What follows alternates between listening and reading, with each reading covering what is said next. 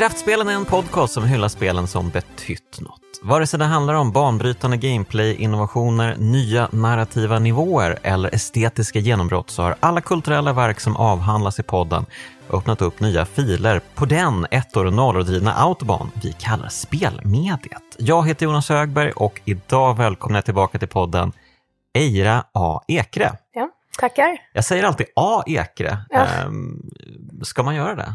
Ja, nej men eh, det är väl nice att ha med initialen. Eh, ja. Eira Ekre funkar också. Det, ju, det blir står... snyggare som på bokomslagen så blir det ju en väldigt ah. fin liksom, estetik. Med... Just det, det är liksom det författarlivet som inkräktar lite där. Ja, nej men sen, jag har dubbla efternamn också så det står för Andersson. Aha, okej, okej. Okay. Ja. Ah, ja, det, okay, det, det skuffar du gärna undan lite. Ja. okej, okay, ja men uh, fan vad kul att du är tillbaka. Um, du var ju här senast och pratade om Soma. Yes. Um, älskade det avsnittet, mycket kul. Um, och uh, ja men nu är du tillbaka för att prata om något uh, som ligger dig väldigt varmt om hjärtat. Ja. Vad ska man säga mer, textburna spel? Ja, det är i alla fall i grunden innan mm. de liksom började utveckla sin värld mer. Men eh, Fallen London-spelen som började som browserbaserat och sen successivt har varit en växande värld sedan, jag tror det är 2009 som Fallen London kommer ut. Mm. Eh, och då har det ju expanderat till alla möjliga, eh, ja, möjliga olika typer av spel och också böcker och sådär. Så, mm, mm, ja. Mm. Ja, men jättekul och det är ju speciellt bra att du är här och pratar om det här för du är narrative uh, director. Yes. Din titel bäst. Ja. ja. På Might and the Light. Det stämmer. Och om inte jag missminner mig så typ började du där typ för ett år sedan? Ja, det är exakt. Det är, nu har jag varit där i drygt ett år, men jag var väl hyfsat mm. nybörjad när jag var här senast. Ja, och eh, du jobbar på det här spelet Book of Travels va? Det stämmer. Um, berätta lite om det vet jag. Ja, nej men uh, det är ju ett, eh, det är ju early access, det är ett uh, eh, MMORPG. Mm. Och Eh, lite i, vi har ju sedan tidigare den här Shelter-serien där man spelar olika typer av typ svenska djur i skogsmiljöer och så. Och i Shelter-serien har vi ett spel som heter Meadow, där flera olika djur kan då interagera så du möter andra spelare. Och det har fått mycket positiv feedback för att Ehm, tack vare hur det är designat så blir det väldigt lite negativa interaktioner mellan spelarna. Vi har liksom inte verktyg i spelet för att riktigt typ vara taskig mot varandra och så. Så lite inspirerat på eh, ja, de principerna som vi har i Meadows så försöker vi då skala upp det till det här Book of Travel som är ett mycket mer klassiskt MMORPG. Det är en enorm expansiv värld som vi jobbar med. Eh, och jag tror att jag nog pratade om det förra gången jag var här, men att just det är liksom som att sätta sig ner med typ Warhammer eller vilken sån här rollspelsvärld som helst som är riktigt stor. Och det är rätt häftigt att de har jobbat med den här världen som kallas Braided Shore i kanske tre, fyra, fem år någonting, men att den liksom redan är så enorm och har så mycket substans. Så att eh, vi sitter ju både då med liksom att bara bli feature complete i viss utsträckning, men sen så är det ju också bara arbete på att populera världen med mer interaktioner och liksom, ja, så att det blir en, eh, nu närmsta tiden är jättekul för att vi just kommer börja lägga till nya delar på världskartan och så, så att vi i hyfsat snabb takt förhoppningsvis kommer liksom kunna visa fler platser med större kulturell skillnad mellan dem och så, så att det är jättekul arbete. Mm. Ja, men jag pratade lite om spelet med eh, Anders ja. eh, när han var med i podden eh, för något halvår sedan. Och det är ju otroligt snyggt verkligen. Ja. Det är ju, jag har inte spelat det, så jag vet ju inte hur det är att spela, men det ser ju verkligen helt bananasnyggt ut. Ja, så ni har det... verkligen lyckats med Tack. Det är det väldigt hög ja, verkshöjd på, liksom, det har ju en väldigt stor konstnärlig ambition. Så, mm. så att det läggs ju väldigt, väldigt mycket effort på ja, men både miljöerna du går runt i, men liksom helheten i GUIT och så. Så att det, ja, det är ett förutom när man typ så här, den första upplevelsen är att man typ loggar in och så blir man typ rånmördad, att det är den första interaktionen man har. Men om man inte har den upplevelsen så kan det vara en väldigt meditativ, bara så här, gå runt i de vackra miljöerna och så. Men, Men äh, vänta lite, man blir rånmördad? Du kan ha otur med vilka första encounters du har ute i skogen. Aha, okej, okay, så det är inte liksom, uh, du kan bli rånmördad, ja. men du kan också få uppleva ja, spelet. Så att vi har liksom spelare som har väldigt, väldigt olika första interactions med det. Att just så här, vissa bara, åh, jag gick runt på något fält med får och så pratade jag med lite typ fåraherdar och sen drack jag te med någon jag mötte och någon annan är så här, ja, jag spolades upp på en strand och sen blev jag rånmördad och sen fick jag börja om och sen, så att det är, ah, okay, okay. det är mm. rätt stort spektrum.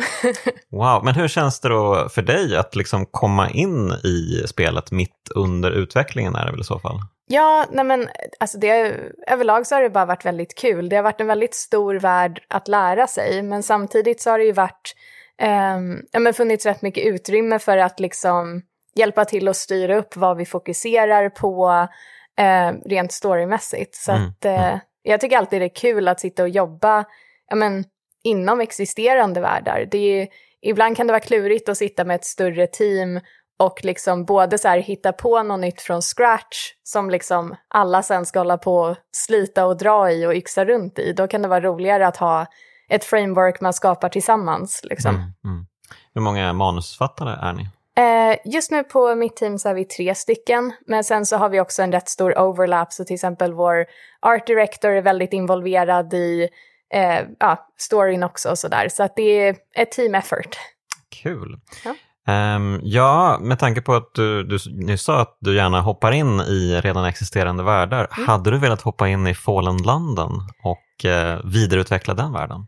Ja, alltså det, Fallen London är ett sånt spel som jag av och till har tänkt att det skulle vara väldigt kul att skriva för. De gör ju rätt mycket, alltså ba, fortfarande bara i browserspelet så gör de ju rätt mycket men så här, säsongsevent eller liksom saker som sker över bara någon månad eller två. Så att just att komma in och bara skriva någon sån fokuserad grej skulle kunna vara jättekul. Um, för den är ju en, vid det här laget en rätt skräckinjagande stor värld. Jag uh, ja, brukar så här, spela liksom fokuserat i kanske något halvår, ett år och sen ta en paus och sen kommer man tillbaka. Uh, och vid det här laget har jag väl ett par kompisar som fortfarande spelar lite av och till så att man också kan göra de här mer community-fokuserade grejerna. För det finns ju saker som man kan samarbeta på och event som man bara kan göra tillsammans med folk. Mm. Så att, eh, ja, det beror på hur man tajmar in det. Ja, men som du var inne på, det, det kom ju redan 2009 och ja. det har ju liksom funnits ända sedan dess och de lägger ju till nytt innehåll hela tiden i spelet. Verkligen, ja. Så det, är ju, det är ju helt otroligt. Och jag läste någon intervju för några år sedan att de var uppe i så här 1,5 miljoner ord eller något sånt där. Ja, det köper jag. Och det, jag vet, det kanske är två miljoner nu, ja. men det var liksom, hur, det är knappt att man kan ta in det. Hur kan det vara så mycket innehåll i ett uh, spel? Eh, men det, det, är ju liksom, det är ju text eh, framför allt, men det finns ju absolut det är ju bilder och fina liksom artworks och sånt, men det är ju liksom ingenting rörligt i spelet.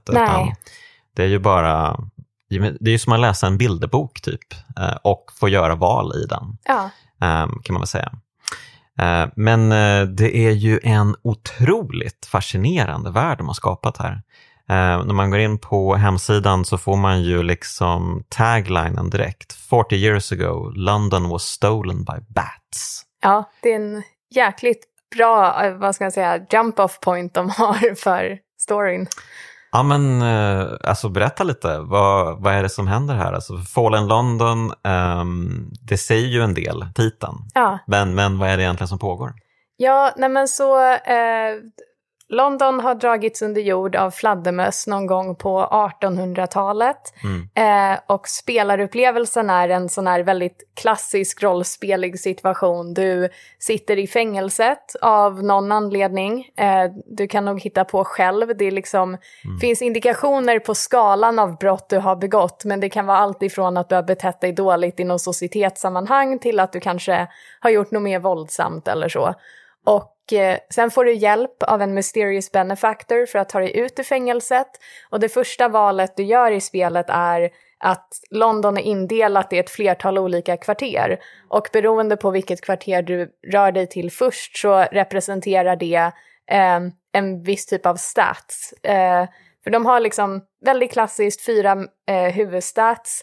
Och nu ska vi se om jag kommer ihåg dem. Det är Watchful, Persuasion, uh, Dangerous och en fjärde som... Uh, wounds? Ja, nej, Wounds är en... Ja, ah, det är någonting annat. Ja, okay. det är någonting du får efter Watchful, combat. shadowy, dangerous. Shadowy, där shadowy har jag tänkt på. Mm. Um, så då är det ju att de olika kvarteren är liksom quest-tätare eller vad man ska säga så, och caterar till vissa av statsen. Så att väldigt ofta så är det ju att du, du bygger dem ju parallellt och väldigt många eh, encounters du har kräver ju att du har flera av dem aktiva och har poäng i dem. Men du kan ändå fokusera på att bygga upp ett först bara så att du kommer ja, lite djupare in i gameplay helt enkelt. Um, så ja, vilket kvarter du är i påverkar jättemycket vilken typ av upplevelse du har i början. Det är, om du drar till, jag tror det är Wolfstack Docks som är dangerous-fokuserat, där är det väldigt mycket hänga med sjömän och du kan hålla på och smuggla saker och ge dig in i olika fight clubs och liknande. Och om du satsar på persuasive då drar du liksom in i de bohemiska kvarteren. Du fokuserar på konsten och att hänga med konstiga poeter och allt möjligt och jobbar dig upp i societetssammanhang. Så att det är successivt då så är det att eh, ens det finns ju en sekundär titel på Fallen London som är Echo Bazaar. Mm. För att väldigt, väldigt mycket kretsar kring den stora basaren som finns i London. Och eh, där så är det att den sköts av The Masters som har olika fokus. Så det finns en master som eh, är intresserad av böcker och drar mer åt det persuasive hållet och sen finns det masters med andra typer av inriktningar. Mm. Så då är det också att du håller på att försöka arbeta in eh, ja, men ditt anseende hos eh, The Masters och att du försöker klura ut liksom den dolda eh, societyn som finns. För att det finns, helvetet finns på riktigt, du kan hålla på och eh, interagera med jävlar, du kan ha en, eh, en relation med en djävul, du kan sälja din själ till en djävul. Eh, det finns lite så här Lovecraftianska bläckfisk-entiteter som promenerar runt på gatorna och som du kan gifta dig med om du har tur. Eh, det vet jag att jag gjorde i en playthrough. Okay. Ehm, och, så det finns liksom ett så här, det blir verkligen bara en ever expanding grej. Och jag mm, kommer mm. ihåg att way back in the day så var ju liksom en av de vad ska man säga, lite så här endgame-grejerna man byggde mot var att du till slut började så investera i att bygga en båt. Um, vilket då till slut ledde till tie-in-spelet som heter eh, Sunless Seas, där du då tar din båt och utforskar undervattenshaven som London gränsar till. Eh, men det som vi pratade om lite innan vi började spela in, det är just att Eh, och nu kommer jag bara prata baserat på minnen för att det är svårt att hitta dokumentation över det här. Men Fallen London tillhör ju den eran av browserspel som var väldigt djupt integrerade med social media. Och i Fallen Londons fall, jag tror att det kanske fanns en Facebook-integration också, men det var Twitter som jag hittade det igenom och där det fanns ett stort Fallen London-community. För Echoes in Echo Bazaar det var att du ekade storylines på Twitter. Och det var också så att du fick fler action points för saker du gjorde i spelet. Men eftersom liksom, spelet är så välskrivet så var det ju att folk faktiskt ville tweeta saker från det. Ofta ibland inte ens för att få action points utan bara för att det var kul citat eller snippets mm, eller mm, mm. dagboksanteckningar i din liksom travel-log. Och det ledde till att det fanns de här större communities på Twitter av folk som bara var Fallen London-spelare och följde varann och då satt och läste varandras dagboksanteckningar och man så här, ja, bjöd in varandra på att dricka absint och vad sjutton det finns för sådana så här ja. eh, vänskapsgrejer man kan göra i spelet. Mm. Och under ett eller ett par år så var det en väldigt ett core feature i hur man spelade det. Mm. Eh, och väldigt mycket i liksom grunddesignen var uppbyggt för den här Twitter-integrationen. Men sen där någon gång ingen aning om det här är liksom 2010, 11 eller senare. Men så stängde ju Twitter en hel del av sitt API och bara stängde dörren på att du kunde interagera eller integrera så djupt. Så att Fallen London hade ju lite av en kris där då. För att väldigt mycket av det som det var byggt för att man bara skulle kunna göra kunde du inte längre göra.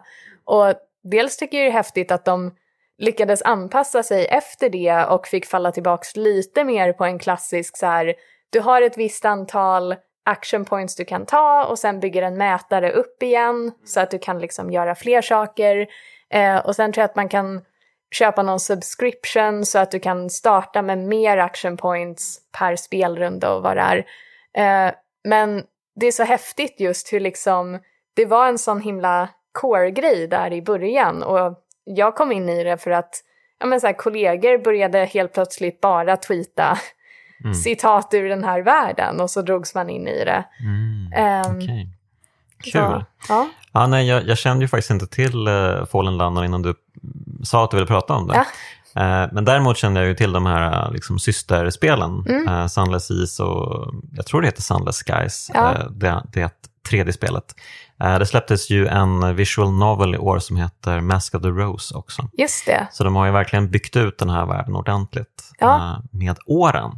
Um, och uh, jag, jag är ju en uh, roguelike kille så mm. jag, jag älskar ju um, Sunless Seas. Det spelade jag jättemycket när det kom. Ja. Um, men nu när jag återvände till det så märkte jag att det var ganska så rudimentärt och lite så här halvsegigt stundtals. Mm. Uh, men Sunless Sky som jag spelade nu, um, det var verkligen, de hade liksom åtgärdat alla liksom um, gameplay-problem som fanns i Sunless Seas och det liksom flyter så jävla bra, så det var skitkul att spela faktiskt. Ja, gud vad kul. Um, så det rekommenderar jag verkligen folk um, som kanske inte helt känner sig hooked på just um, typ uh, create your own story, alltså sådana typer av spel. Mm. men uh, det var ju verkligen intressant att hoppa in i den här världen, uh, Fallen London, för att det är ju så, som du var inne på, det är så otroligt välskrivet det här spelet. Verkligen. det, det känns så unikt i liksom tonen den har. Liksom. Alltså det är ju från character creation, jag brukar ha det som exempel när jag undervisar. Mm. Eh, för att character creation i, eh, ja men bara i browserspelet som sen har så här carried over, eh, det är just May we ask whether you're a lady or a gentleman? Och så kan du välja a lady, a gentleman eller ett tredje option som säger My dear sir, there are individuals roaming the streets of fallen London at this very moment with the faces of squid. Squid? Do you ask them their gender? And yet you waste our time asking me trifling and impertinent questions about my gender. Um, it is my own business, sir, and I bid you good day. Och sen därifrån så kan du då välja karaktärsporträtt som är mer bara vaga mm. i liksom vilket kön man har. Så att redan där sätter de ju då både en ton för spelet och i liksom berättarstilen som det är skrivet i. Mm. Eh, men så jag tycker det är en väldigt så här, eh, häftig bara detalj just. Ja, men absolut. Eh, som du är inne på, man, man, man kommer ju till många fantastiska platser och får se många fantastiska saker i de här spelen. Eh, men eh, det hade ju inte varit vattenvärt om det inte hade varit så här speciellt beskrivet. Mm. De, eh, jag har ett citat här, eh, jag tror jag har tagit det här från en artikel i och för sig, men um, det här är från spelet då. Mm. It is good that your former troubles are resolved. The gift I sent you is not intended to create obligation. It is to assist in the performance of evil acts to good purpose. Opportunities to disreputably gather virtue will be accorded before the wheel turns long. We will meet very soon. The note is not signed. uh, det, det, är så classy skrivet. Uh, och det är ju absolut den här lite ålderdomliga brittiskan som fanns på 1800-talet. Uh, eh, de har ju verkligen fångat den känslan att verkligen befinna sig i London på 1800-talet fastän det är ett London som då ligger, har jag läst mig till, under Atlanten i en grotta. Ja. Um, så att uh, det är ju ganska bonkers grejer som, som sker här. Ja. Um, och uh, låren är ju superintressant verkligen. Det finns ju, du var inne på att helvetet finns här nere. Vilket ju är, jaha, okej, okay, Jag, jag har för mig att man kan till, segla till dig i Sunless Seas. Så mm, jag tror att det ju, var så, ja. ja det. Precis. Um, och uh, ja, precis, jag, jag, tog ombord en djävul på mitt skepp i Sunless Skies tror jag. Mm. Um, och de är ju inte alls riktigt som man kanske tänker sig att de ska vara. Uh, de är oftast lite mer så eleganta, lite aloof och ja, men de, har ju, de smider ju ränker såklart bakom ens rygg, men eh, de är också lite så här, eh, de är så majestätiska på något sätt också. Och, ja, men de eh, har, det finns saker som väger upp det. Det är, mm, ju, mm. det är det som är så kul i världsbygget, att liksom även de mest ja, men som skulle ses som så här, vad ska jag säga, lite så här klassiskt typ ondskefulla faktionen eller så är det oftast rätt brett mm. liksom vad du kan ha för typer av interaktioner med dem och att Eh, ja men som sagt, man råkar sälja sin själ för att man hänger för mycket med jävlarna. Mm. Men det blir liksom inte ett, så här, ett game over state, utan helt plötsligt så ja, blir det bara mer saker för dig att göra. Att du kan ja. Låsa upp så mycket i världen bara genom att misslyckas eller göra konstiga saker. Jag är rätt säker på att det finns, eh, när man hänger då i de bohemiska kvarteren, så jobbar man mot att skapa sitt stora kreativa verk. Så du kan liksom skriva en fantastisk dikt eller sätta upp teater. Mm. Um, jag satte upp en extremt skandalös teater, vilket ledde till att jag blev förkastad ur Polite Society. Mm. Och nu kommer jag inte ihåg vad de heter, om de bara heter typ The Greymen eller The Mudmen. Uh, eller The Claymen. The Claymen. Uh. För då blir man är då förkastad och hamnar i liksom deras värld. Mm. Eh, som bara ligger en bit utanför London och de har sin helt egna kultur och mm. ja, folk från som sagt Polite Society blir då straffade och skickas dit men de har också sina helt egna så, så här, samhällsgrejer som pågår och så helt plötsligt börjar man handla i nya valutor och andra items blir värdefulla. Så det är liksom att det det är så mycket sånt som överlappar så snyggt, där mm. det liksom inte känns som att du blir bestraffad för att du inte följer vissa linjära eh, liksom, vägar som de har i förväg tänkt att man ska göra, utan mm. Mm. de fångar upp en väldigt snyggt hur mycket man än kombinerar saker eller, ja, som sagt, misslyckas eller så.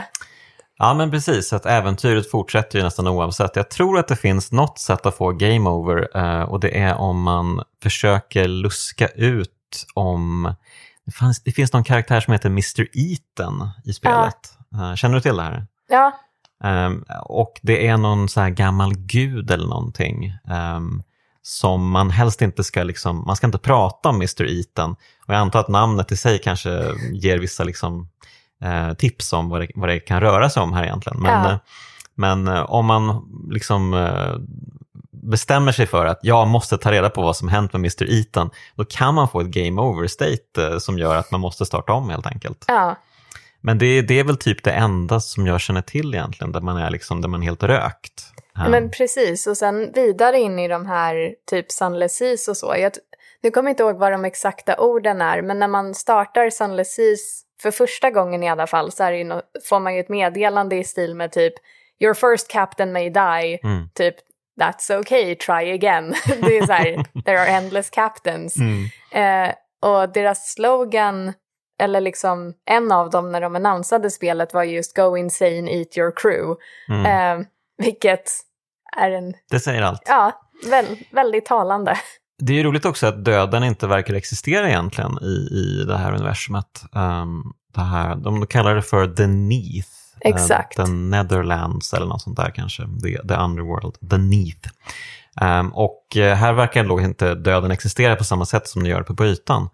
Um, och man, om man drunknar till exempel, då blir man uh, a drowning man. Exakt. Och uh, liksom helt övertygad om att man är död fastän man är, man är levande samtidigt. Det är så himla bisarra liksom, saker som sker. Ja.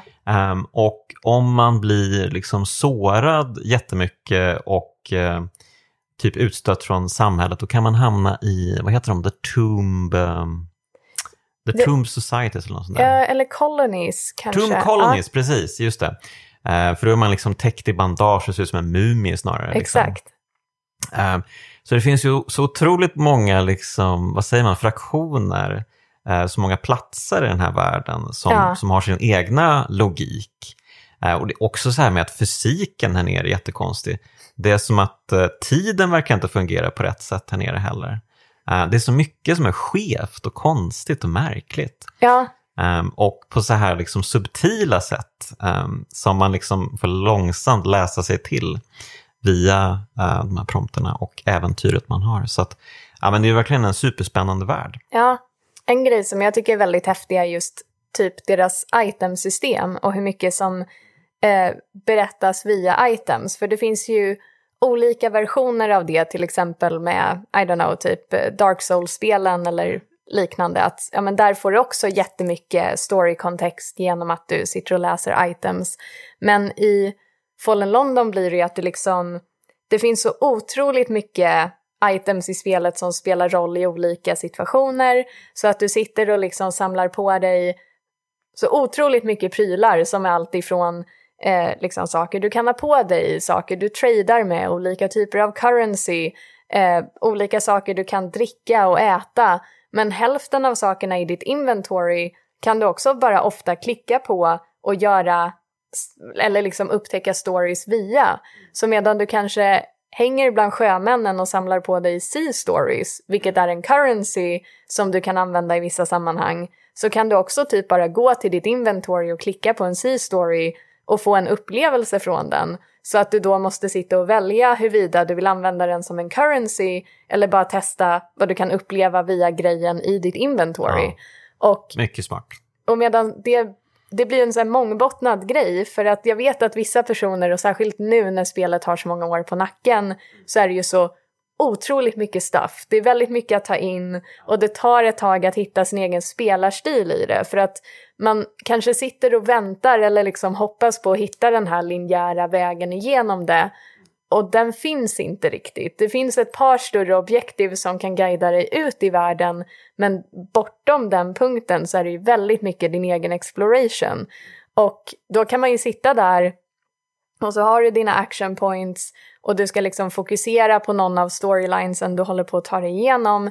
Men istället blir du helt distraherad i ditt inventory och så slutar det med att du liksom har studerat någon kartbit, haft mardrömmar, du har här, druckit massa svampvin du hade på lager och sen så kan du inte göra några av storygrejerna du hade tänkt göra eller du har använt upp alla de här sakerna ja, som du hade ja. tänkt köpa någon annan grej för. Och då blir det ju just den balansen i det. Så, eh. mm, mm. Ja, nej men eh, det, det är otroligt intressant och eh, det här också att, att drömmar inte verkar ha liksom, det är någonting helt annat här nere. Ja, verkligen. Det är liksom mer en fysisk upplevelse. Alltså man, man kan, det finns helt sjuka grejer man kan göra i drömmar. Man kan, man kan använda någonting som heter prisoners honey mm. för att uh, gå in i sina egna drömmar och uppleva dem rent fysiskt. Men det här kan ju också leda till helt galna sidoeffekter också. Precis, det finns många sätt att bli galen på i det här spelet. ja, det är jättekul. Det finns ju till och med ett specifikt hotell eh, som är svindyrt för alla typ eh, normala, men som typ är gratis för alla som är galna. Ja. Och Eh, jag vet inte riktigt vad som pågår där inne, men jag vill gärna veta. Varför är ägaren så, mm, gillar den så mycket, de här galna människorna? Mm. Kanske bara är sympatisk. Kanske bara är sympatisk, men, men jag har lite svårt att tro på ja. det eh, i den här världen som Fallen London ändå är. Eh, det är många som verkligen, ja, de tänker väl på sig själva först och främst i den här världen. Eh, och det blir ju kanske så av hävd när det är så mycket fasor som existerar i världen. Eh, för du, du sa ju det, det finns ju massa konstiga grejer. Det finns ju de här sjögudarna, det finns kosmiska varelser, det är ju mycket så här liksom eh, Lovecraft-grejer som pågår i bakgrunden. Ja, verkligen. Och det är ju just med deras här säsongsgrejer som pågår, så jag vet att en av de senaste gångerna jag var inne och spelade aktivt, då var det någon typ av eh, jag tror typ bakningsfestival, jag kommer inte ihåg vad den officiella termen var, men mm det slutade med att jag liksom var på något café tillsammans med någon förväxt typ manet eh, som så här, jag började bråka med och mm. sen ja, så bara spårade hela det, den scenariot liksom. eh, men, eh, okay. Jo, men alltså jag, spelade ju, jag har ju spelat mest av det här Sunless Skies. Då. Mm. Um, och uh, det har jag haft mest kul med. Um, för att uh, ja, men mekaniken här är ganska enkel. Man, man åker runt med ett litet um, det är tåg man, man spelar som mm. uh, istället för ett fartyg. Då. och man, man spelar högt ovanför himlen. Jag tror man spelar bland stjärnorna i det här ja. spelet. och ja, det är ganska crazy. Och Ja, men eh, det är liksom som en, eh, ett, en, eh, en extension, ett ytterligare tillägg till den här konstiga underjordiska världen som också finns uppe bland stjärnorna. Ja, vi har inte ens gått in på stjärnorna i sig, de, de är också en sak att berätta om. Men, men ja, det var väldigt kul i alla fall att spela för att roguelike elementen var väldigt roliga, striderna var väldigt kul. Det var väldigt enkelt att styra den här, liksom, det här tåget i den här världen. Mm. Till skillnad från båten tyckte jag i Sea som var väldigt eh, seg och långsam och bänglig. Liksom. Ja, för den känns, och det är också just kul att ha dem, alltså de spelen sida vid sida och se hur de liksom har itererat på eh, Sunless Seas och som mm. du pratade om tidigare, att hur mycket de ändå har polerat och förbättrat mellan projekten. Mm. För i Sunless Sea, får, man får ju intrycket av att liksom båten är du vet, svårkontrollerad med flit, kanske mm. inte helt med flit men det är också okej okay för att det tillför någonting. Mm. Men ibland så sitter man just med sånt där, fast bara för att man försvårar för spelaren så lägger det faktiskt inte till den typen av mm. urgency eller liknande som man hoppas att det ska ge en. Liksom. Nej men precis, om, om man får en game over i Sunless Seas mm. och uh, åker tillbaka till början, spelar om en ny kapten um, och ger sig ut i den här världen igen, då är man ju lite så här, men jag vill bara komma igång och iväg till det göttiga. Liksom. Mm. Måste jag liksom sega mig fram här från början igen? Um, och jag tycker de har löst det mycket bra i Sunless Skies. Där får man ju med sig mycket mer av sina grejer när man dör också. Ja. Um, så att uh, det känns mycket roligare att hela tiden bara, ja, men jag, jag vågar göra den här crazy grejen som kanske leder till att jag coola vippen. Mm. Um, så att uh, man får ju mer liksom, incitament att uh, faktiskt utforska världen också.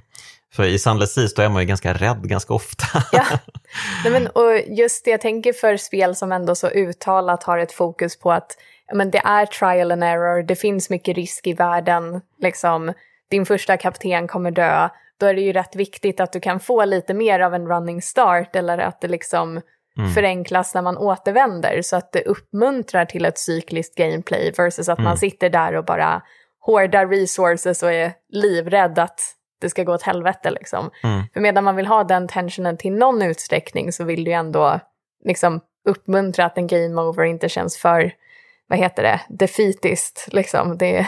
Mm. Men, men du som har spelat uh, Fallen London då sedan 2009 mm. i omgångar då såklart. Ja. Um, har du liksom, um, är spelet idag någonting helt annat än det var när du började spela?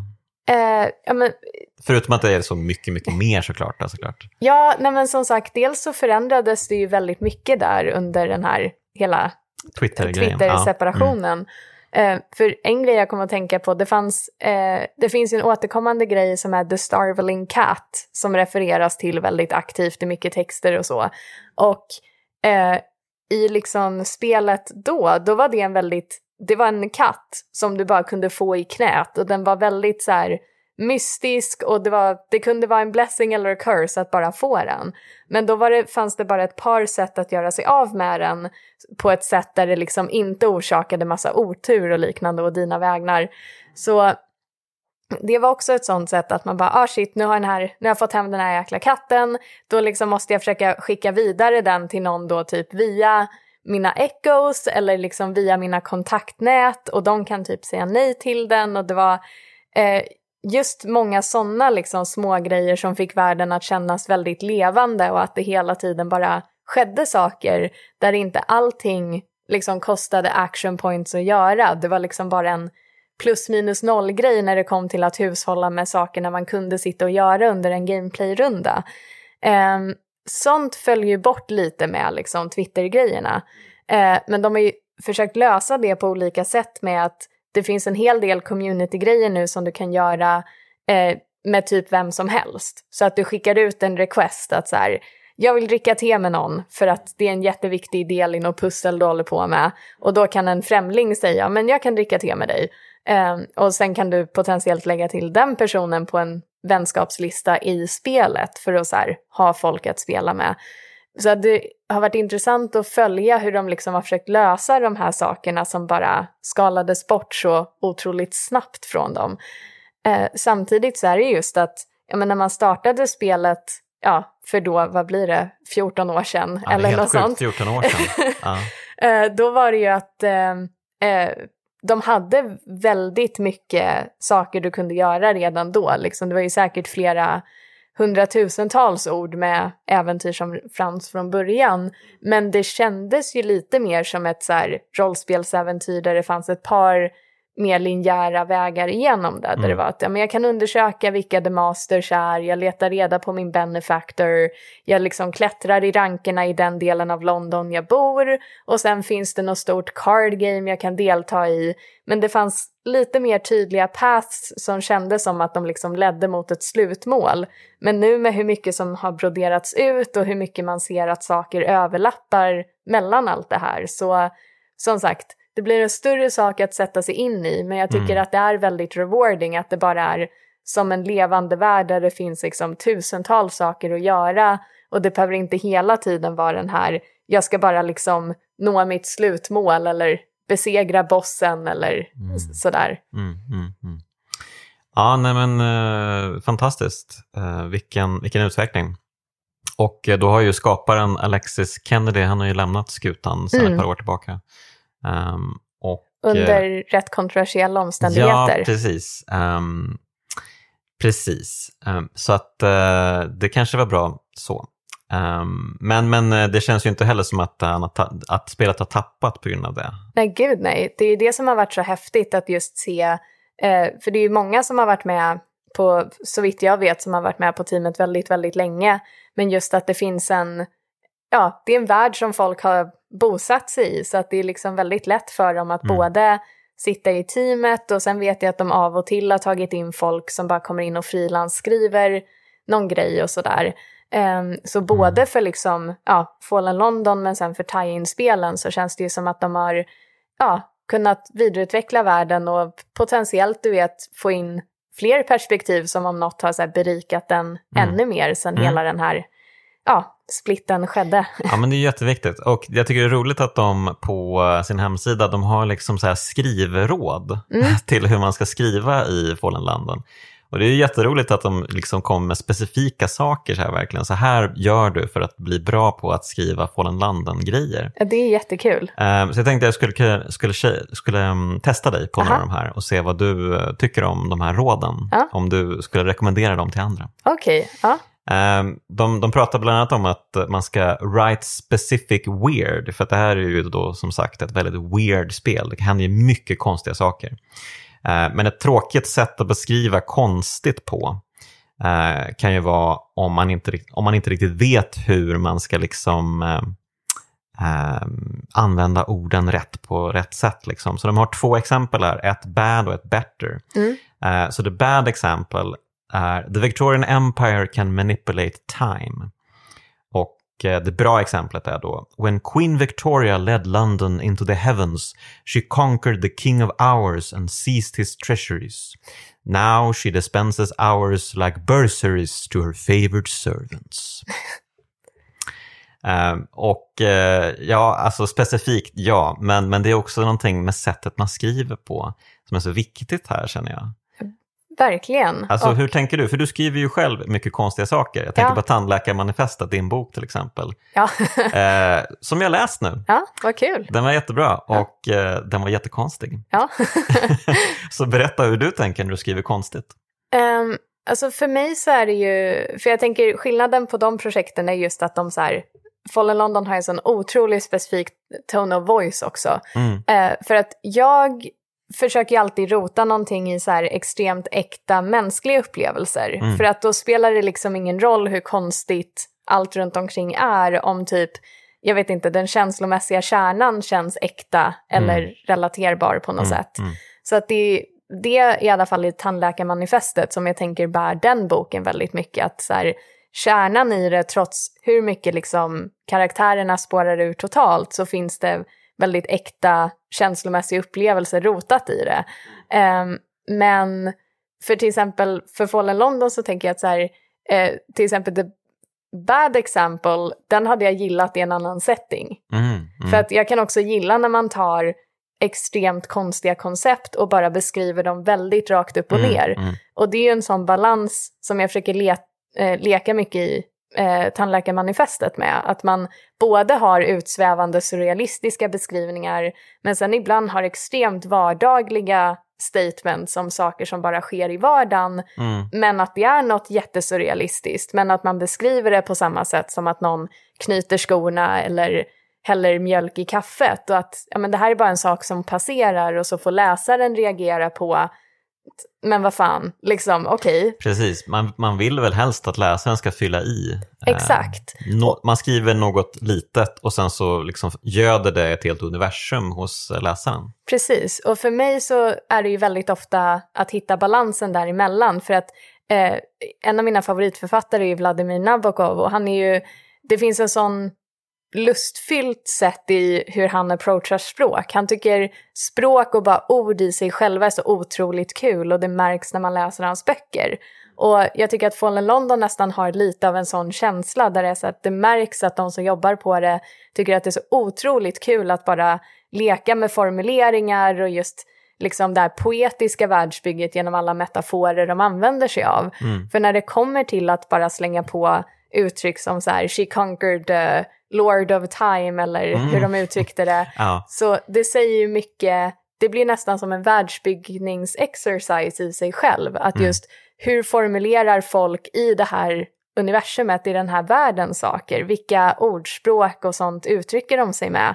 Men när man väl sitter med men som, ett, som sagt ett isolerat projekt som typ Tandläkarmanifestet, då är det väldigt kul att liksom ha balansen i vilka bara sådana implikationer man gör som gör att liksom läsaren bara bygger vidare själv. Mm. Och i vilka fall som man liksom bara djupdyker och beskriver någonting ja, jätteutsvävande och sådär. Ja, du är inne på deras andra punkt här, eh, för då skriver de att man ska write the symptoms, not the cause. Alltså mm. man ska beskriva i Fallen Londons fall specifikt, för det händer ju väldigt ofta att det händer hemska saker med en. Ja. så beskriver man kanske vad det är som händer men inte vad som har orsakat det snarare. Och mm. eh, det liksom göder ju verkligen nyfikenhet och så hos eh, den som läser. Men precis, och det känns ju väldigt ja, Lovecraftianskt som du pratade om tidigare, ja. men att just så här, eh, du behöver inte beskriva, eh, jag vet inte, den faktiska observationen av en elder god eller liksom mm, så, men du mm. kan beskriva ringarna på vattnet av ett ja, sånt möte verkligen. som blir ett intressant pussel i sig. Liksom. Ja, det är fantastiskt. Och de har några saker här de vill att man ska undvika när man skriver för Fallenlanden också. Ja. Jag se om du håller med här. Um, att man liksom uh, de var faktiskt inne på det du pratade om här. Most good weirdness can be summarized in a single sentence. Mm. um, och man ska liksom lätt kunna kommunicera det som händer. Um, utan att liksom gå till överdrifter. Mm. Uh, även om det i och för sig, de, de bredde ut ganska mycket där kring The Queen. Ja, ja, man men, men så att de kanske säger emot sig själva lite grann i och för sig. Men um, att man ska inte ha för mycket effektsökeri. Liksom. Mm. Um, och om man ska inte heller, det här tyckte jag var väldigt intressant, man ska inte repetera att man har, den här poängen man försöker göra um, på olika sätt och försöka klarifiera den, alltså att man ska försöka uh, förtydliga poängen, mm. utan istället hålla den luddig. Och um, i, alltså så, om man har beskrivit någonting så går man vidare bara, beskriver ja. någonting annat och så Ja, det är väl det som har gjort också att det här universumet har blivit så otroligt stort också. Ja, att man bara liksom skrapat på ytan av alla de här konstigheterna som finns här nere i Denith. Det är väldigt, det är väldigt kul för att det finns ju sådana där standardgrejer när det kommer till eh, så här, I mean, user experience och hur mycket du ska upprepa någonting för att någon ska plocka upp directions och sånt som man sitter med i andra typer av spel. Mm. När det är så att okej, okay, men eh, inom loppet av så här kort tid ska det här konceptet upprepas tre gånger för att då sätter det sig som ett minne och ja, då är det, det troligare att du har det med dig. Mm. Och det är intressant med ett spel som typ Fallen London som då liksom ligger på gränsen till nästan en skönlitterär approach till mm. sina stories. Men som jag antar med tanke på hur länge de har funnits också vet liksom, nivån på sina spelare, vad de förväntar sig och den typen av berättande som de är vana att liksom ta sig an och mm. dekonstruera och sådär. Mm. För att, eh, jag menar rent litterärt, jag har suttit och redigerat mitt nya bokprojekt nu nyligen mm. och där, det finns ju en tendens att liksom, du beskriver någonting och sen vill du bara lägga till den där meningen som följer upp på det och mm. bara så här, klargör lite tydligare. Mm. För att ibland kan repetition, det kan ju finnas något poetiskt i det. Absolut, men ibland absolut. går man igenom det i efterhand och jag här, fast det är ju hyfsat tydligt mm. i hela den här paragrafen jag skrev, så jag mm. kanske inte behöver förtydliga det i meningen direkt efter. liksom. Ja, precis. Ja, men eh, precis. Ibland funkar, ibland funkar inte. Det ja. kan vara svårt att avgöra när man ska göra det. Liksom. Mm. Och jag tror att de flesta författare nog faller dit på att man oftast gör det. Och i sådana fall skulle jag nog säga att mm. rådet är bra, att snarare påminnas om att det här är inte nödvändigt. För att det är mm. troligare att du sitter och bara gör det automatiskt versus att du inte förtydligar tillräckligt. Liksom. Mm, mm, mm. Eh, och de säger också vilka, vilka, ord man ska undvika här också, när ja. man skriver. Eh, ord som really, quite, somewhat, almost, great, strange, odd. Eh, och jag antar att det är för att det är liksom ord som används så ofta mm. och att man gärna ska försöka undvika det och verkligen försöka gräva sig ner i lexikonet eh, ja. och bara ehm, Men... bjuda på sina ordkunskaper verkligen. Men också just för att det är en rätt fascinerande lista just för att det känns som en kombination av bara sådana här förstärkningsord som folk mm. slänger in där det oftast inte behövs. Just det, så just typ det. så här att du slänger in really till exempel där det liksom, ja, förmodligen inte behövs för att förstärka mm. grejen du använder det för. Men sen att du vidare in i har typ så här quite som känns som att de förmodligen ser för mycket för att folk mm. tänker jag ska skriva på ett old-timey sätt. Ah. Så då är det så här, ah, quite good sir. Du slänger in det i precis alla sammanhang mm. för att det bara blir som en så här, ett extra litet ord som daterar det mm. på ett onödigt sätt.